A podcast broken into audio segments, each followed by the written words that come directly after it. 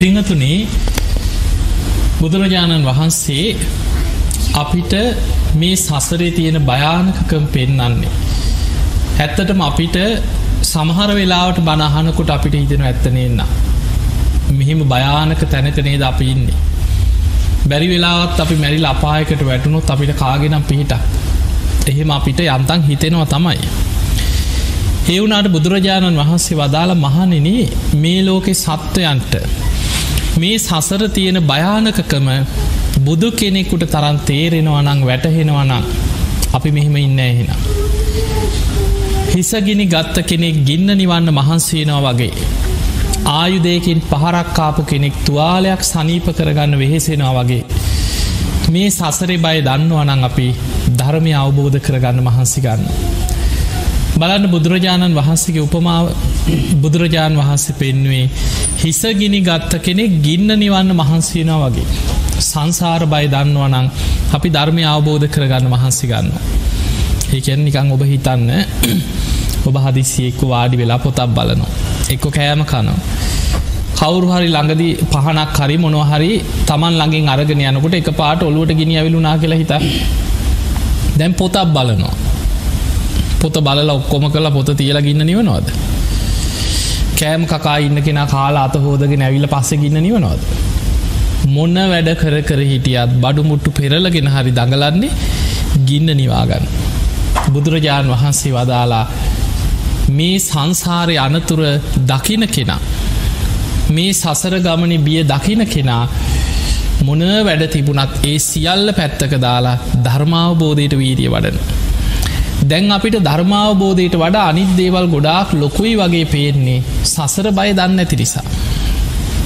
අපිට සංසාර බයක් තේරෙන් නැති නිසා අපි හිතනවා පස්සෙ බැරිය තව අපිට කොච්චරන වැඩ තියෙනවද ඔයිට වඩා කොච්චර වැඩ තියෙනවද. එහෙම අපි හිතන්නේ අපිට සංසාර බයි තේරෙන් නැති නිසා. ඊළඟට බුදුරජාණන් වහන්සේ වදාලා ආයුදයකින් පහරක්කාපු කෙනෙක් තුවාලයක් සනීප කරගන්න වෙහෙසෙන වගේ. අපි හිතම අපි කොහේ හරි ගමනක් යනවා. වෙඩින එකක් කියලා හිතන්නේ හොඳට ඇන්ද පැළඳගෙන දැයි යනවා බොහොම හොඳට ලෑස්ති වෙලා ගෙයින් එලියට බැහල යනවා. තරහකාරයෙක් මග රැකලා ඉඳනවා. ඉඳල පිහියකින් හරි ආයුධයකින් හරි ගැහුව කියලා හිතම්. දැම් පහර කාපු කෙනා වැටිලා කෑගහන්නේ කොහොමද අනේ මා වෙඩින් එකට උත්සගෙන පලයල්ලා කියලද නෑ අපරාධන මේ ගත් ඇඳුම් පැළඳුම් ගිහිල කාලවීල පස්සේ හවස බේද්දාගන්න යනෝ කියලා හිතන්නේ. මොන වැඩ තිබ්බත් ඔක්කොම දාලා දුවන්නේ ස්පිරිතාල්ට. ඒ වගේ බුදුරජාණන් වහන්සේ වදාලා ආයුදයකින් පහරක්කාප කෙනෙක් තුවාලයක් සනීප කරගන්න වෙහෙසෙන්නේ යම්සේද. ඒ වගේ සංසාර බයි දකින කෙනා ධර්මාවබෝධයට මහන්සි ගන්න ඕන කියන. බොහෝ වෙලාවට ධර්මය පෙන්නනවා දැන් අපි හිතම අපේ පවුලි දහ දෙනෙක්කින්න. අපි හිතන වනේ අපේ අම්ම අපේ තාත්ත මේ දරුවෝ ඥාතයෙන් අපිට සසර ආයමත් මෙහෙම ලැබේවා කියලා හිතනවා නිකං එහෙම සිතුවිලි නැද්ද. අපි හිතනවා හැබැයි ගබ්බ මේකෙ උපපජ්ජන්ති. කෙනෙක් මවකුසකට ඇදිලෑනවා. නිරයම් පාපකම්මිනු. අපේ පවුලෙමයි නකුසල් කරගත්ත ටික අපායවල්වලට ඇදෙනවා. සක්ගන් සුගති නෝයන්ති. සද්ධාව සිල්වත්කම දහම් දැනුම ත්‍යාග සම්පත්තිය ප්‍රඥාව. ඒවා කාලයක් පුරුදු කරලා බලවත් කරගත්ත කෙනෙක් එයා සුගති යනු. පරනිබ්බන්ති අනාසවන්ට හතන් වහන්සේලා විතරයි පිරිනිවන් පාන. අනිත් අයි තම තමන්ගේ කර්මයන්ට අනුව සසරේ ඒ ඒ තැංගොල්ට ඇදිලෑන. ආයායමත් සසරේ මුණගැහෙනවා කියන එක හිතන්වත් පුළුවන් දෙයක් නෙමේ. ඒ නිසා පිංවතුනේ එවැනි භයානක සසර ගමනා. බුදුරජාණන් වහන්සේ අපේ සංසාර ගමන පෙන්වේ මහනෙනේ සංසාරයේ සත්වයාට සතරාපාය කොයි වගේද. මහගෙදර වගේ. දැම් මේ බණහන්නාව. බණ ඉවර වෙච්ච ගමන් කොහෙද දුවන්නේ. ගෙදර ඔළුව තියෙන්නේ ගෙදර. අපි රස්සාාවකට ගියා කියලා හිතම්. වෙලාව බලනවා සැරින් සැරේ බලනවා වැඩ ඇරෙන වෙලාව ලං වෙනකොට කොහෝම හරි ඉස්සරලාම තියෙන බස්සෙක එල්ලිලා හිටගෙන හරි කමක් නෑ ඉක්මනින් ගෙදර දුවන්න නෙමේද මිනිස්ව හදන්න මොන ක්‍රමෙන් හරි ඉක්මනින් ගෙදරයාගන්න කඩේකට ගියා බඩුමුටු ටිකක් ගත්තා මල්ල ගත්ත ගමන් දුවන්න ගෙදර නෑදෑ ගෙදරක ගියත් උපරිම දවසක් ඉදී දෙකක් ඉදී. කොහේ ගියත් ගෙදර තරන්න නෑ කියල කියන්න ඇද අපේ. එතකොට ඒ වගේ අපේ හිත පුරුදු වෙලා තියෙන්නේ අපි ජීවත්වෙන්න තැන මහගෙදර. ඒ වගේ තමයි කියන සංසාරික සත්වයාට සසර දිහා ගත්තහම සතරාපාය මහගෙදර වගේ. එහෙමනම් අපිට තේරෙන අපි මේ අන්තන් සුගතියක ඇවිල්ලා මේ ටික කාලයක් ජීවත් වනාට.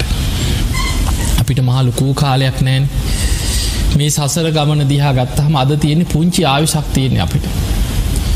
ඒ ආවිෂෙන් අද සාමාන්‍ය ආය අපේක්ෂාව ගත්තොත් අවුරුදු හැත්තෑව හැත්ත පහතර සාමාන්‍ය ආවිෂ කලාතුරකින් අවුරදු අසුවක් කනුවක් ඉන්න කෙනෙක් හිටියට සාමාන්‍ය ආවිස අවුරුදු හැත්තෑව හැත්ත පහතර. ඒ අතර අවුරුදු හැටක් හැත්තෑවක් ජීවත්වෙනවා කියන්නේ තියෙන අනතුරු විපත් ඔක්කොගෙම බේරිලා බේරිලා යනවා කියන්නේ ඒකට ලොකූ ජයග්‍රහණය පාරකට බැස්සොත් ඉස්සරහිනුත් මරණය පිටි පස්සෙනුත් මරණ.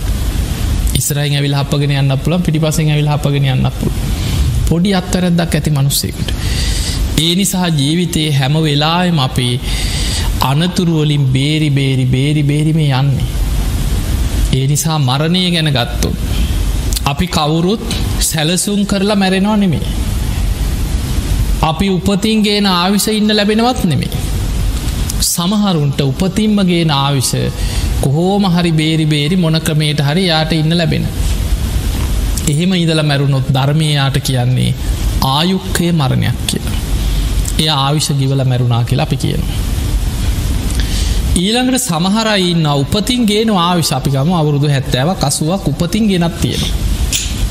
එයාගේ පුුණ්‍ය ශක්තියත් එක්ක උපතින් යාගේ ශක්තිය තියෙන අවුරුදු හැත්තෑවක් හිතර මේ කය ඇදගෙනයන් හැබැයි කර්ම විපාක ඉස්සර වෙන්න පුළුවන්. නොසිතන විදිහෙක්ක අනතුරක් ගුටි කාල මැරෙන්න්න පුළුව. අහ කියන කුණ ගොඩක් කැරකිලා එන්න පුළුව තමන් නොකළ දේකට අහුවෙලා මැරුම් කන්න වෙන්න පුළුව. සසරයේ කරපු කර්ම විපාක විටිං විට බලවත් වෙලා ආවිෂ තියෙද්දි කර්ම විපාක ඉස්සර වෙන. ඒවට ධර්මය කියන්නේ කම්මක්කය මරණකි. එතන ඉස්සර වුණේ කර්මය ආවිෂ තියෙද්දි කර්ම ඉස්සර වෙන්න පුළුව. ඔය වගේ බුදුහන්දරයි කාල තියන බහල ඇති අර ආයු වඩ්ඩන කුමාරය ගැන හල ඇතින් පුංචි කාලේ ඒ දරුවට මාර්කයක් තිබ්බා. දින හතකින් මේ දරුවා මැරෙනවා කියලා ඒ කාලේ අනාගතය දකින ඉසිවරෙක් කිව්ව අම්ම තාත්තට. ඒ අම්ම තාත් අඩාගෙන වැලපීගෙන අන්තිමට පිළිසරණක් නෑ ඔහුම කීවා මට වෙන දේ පේනවා. වලක්වන්න නම් බැකිව අන්න සැවැත්තුවර ජේතවනේ ලෝතුරා බුදු කෙනෙක් පහළ වෙලා වැඩඉන්න උන්වහන්සේට පුළුවන් කීවා වෙන දේ වලක්වන් මේ දරු අරගෙන එතන්ට යන්න මොකක් හරි පිහිටක් ලැබෙයි කිව හර අම්ම තාත්ත දරුව වඩාගෙන ඈත ඉඳං අඩ අඩා දුවගෙන දුවගෙන සැවැත් නුවරටාව හිදා බුදුරජාණන් වහන්සේ ළඟට ඇවිල ඉස්සල්ලාම අම්ම තාත්ත දෙන්න වැන්ද. දීගායුකෝ බවන්තී කියලා අපි යුසූපත්තේවා කියනවගේ බුදු හාමුදුරු ආශිරවාද කර. දීර්ඝාවිශ ලැබේවා. අපිත් ගැන ආයු බෝවාන් කියලා. ආවිශ බොහෝ ඒවා ඒ වගේම දීගායිකෝ බවන්ති පාලියෙන් දීර්ඝාවිශ ලැබේවා කියලා ආශිර්වාදයක් කර. පුතේ වඳන්න වඳන්න කියලාට පොඩි පුතාවත් වැන්දව. බුදුරජාණන් වහන්සේ නිහඬවම හිටිය වචනයක්කත් කියවෙන සද්ධ නැතුව දරුව දිහා බලාගෙන හිටිය. හිතකොට අරම්ම තාත්තර දැන් සැකේ වැඩි. හැහු අනේ ස්වාමීණි අපේ පුතාට තාශිර්වාද කරන්න. එතට බුදුරජාණන් වහන්සේ වදල මේ දරුව තව දින හතයිකිව ජීවත්තෙන්. දවස් හතකින් මේ දරුවට මාර්කයක් තියෙනවා. අවිරුද්ධ කියලා යක්ෂයෙක් මේ දරුවව ගොදුරු කරගන්නෝකි. දවස් හතයිකි. අර අම්ම තාත් අඩන්නගත් අනේ ස්වාමීනී මේ අපේ දරුවා අපිට ඉන්න මෙච්චරයි අනේ කෝමාරි බේල්ලා දෙන්න කියලා දැන් අම්ම තාත් අන්නනවා වැලපෙනවා. ඒ වෙලාවේ මේ දැන් බුදුරජාණන් වහන්සේ වදාලා එහෙමනම් එක ක්‍රමයක් තියෙනවා. ගිහිල්ලගේ ඉදිරිපිට පිරිත් මණ්ඩපයක් හදන්න කියෝ. දරුව තියාගෙන දින හතක්ම එක දිකට පිරිත් කියන්න කිව. සාමීන් වහන්සේලා ජේතවනාරාමෙන් දුන්න මිනිස්සුත් එකතු කරගෙන පිරිත් මණ්ඩපයක් හදලා දරුවතියාගෙන එක දිගට දින හතක්ම පිරිත්කිව. ඔන්න ඒ කාලවේ සති පිරිත් කියන්න දින හතක් එක දිගට පිරිත්කිව. දින හත අවසන් වනාට පස්සේ බුදු හාමුදුරුවොත් පිරිත් මණ්ඩපේට වැඩිය හත්වනි දවසේ. පිරිත් හමාර කරට පස්සේ අම්ම තාත්තර පුතා උත්සගෙන ඇවිල බුදු හාන්දුරන්ට වැන්දව. බුදුරජාණන් වහන්සේ එතන දිවදාල දීගායුකෝ බවන්ති දීර්ගායුෂ ලැබේවා. එතකොට අම්මතා අත්තහන වනේ ස්වාමිනි අපේ පුතාට දැන් ආවිෂ තියෙනවද. බුදුරජාණන් වහන්සේ වදාළ මේ දරුවා අවුරුදු එකසේ විස්සක්ම ජීවත්වෙනවාකි. ඒ කාලේ අදට වඩා ආවිෂ වැඩි කාලය. අවුරුදු එකසිය විස්සක් ජීවත් වනා අපි ඔය වඳනකොට ගාථාවක් කියන්න අභිවාදන සීලිස්ස කියලා. ඔය ගාථාවෙන් බණහලා තරුණ වයසෙදි සෝවාන් පලට පත් වුණ. එතකොට හිතන්න සෝවාන් වෙන්න පින තිබ්බ. අවුරුදු එකසේ විස්සක් උපතින්ම ආවිශගෙනාපු කෙනෙකුට පුංචි කාලේ මාරකයකට ගොදුරු වෙන්න ගියා. බුදු හාන්දුරුව හිටපු නිසා බේරගත්තා.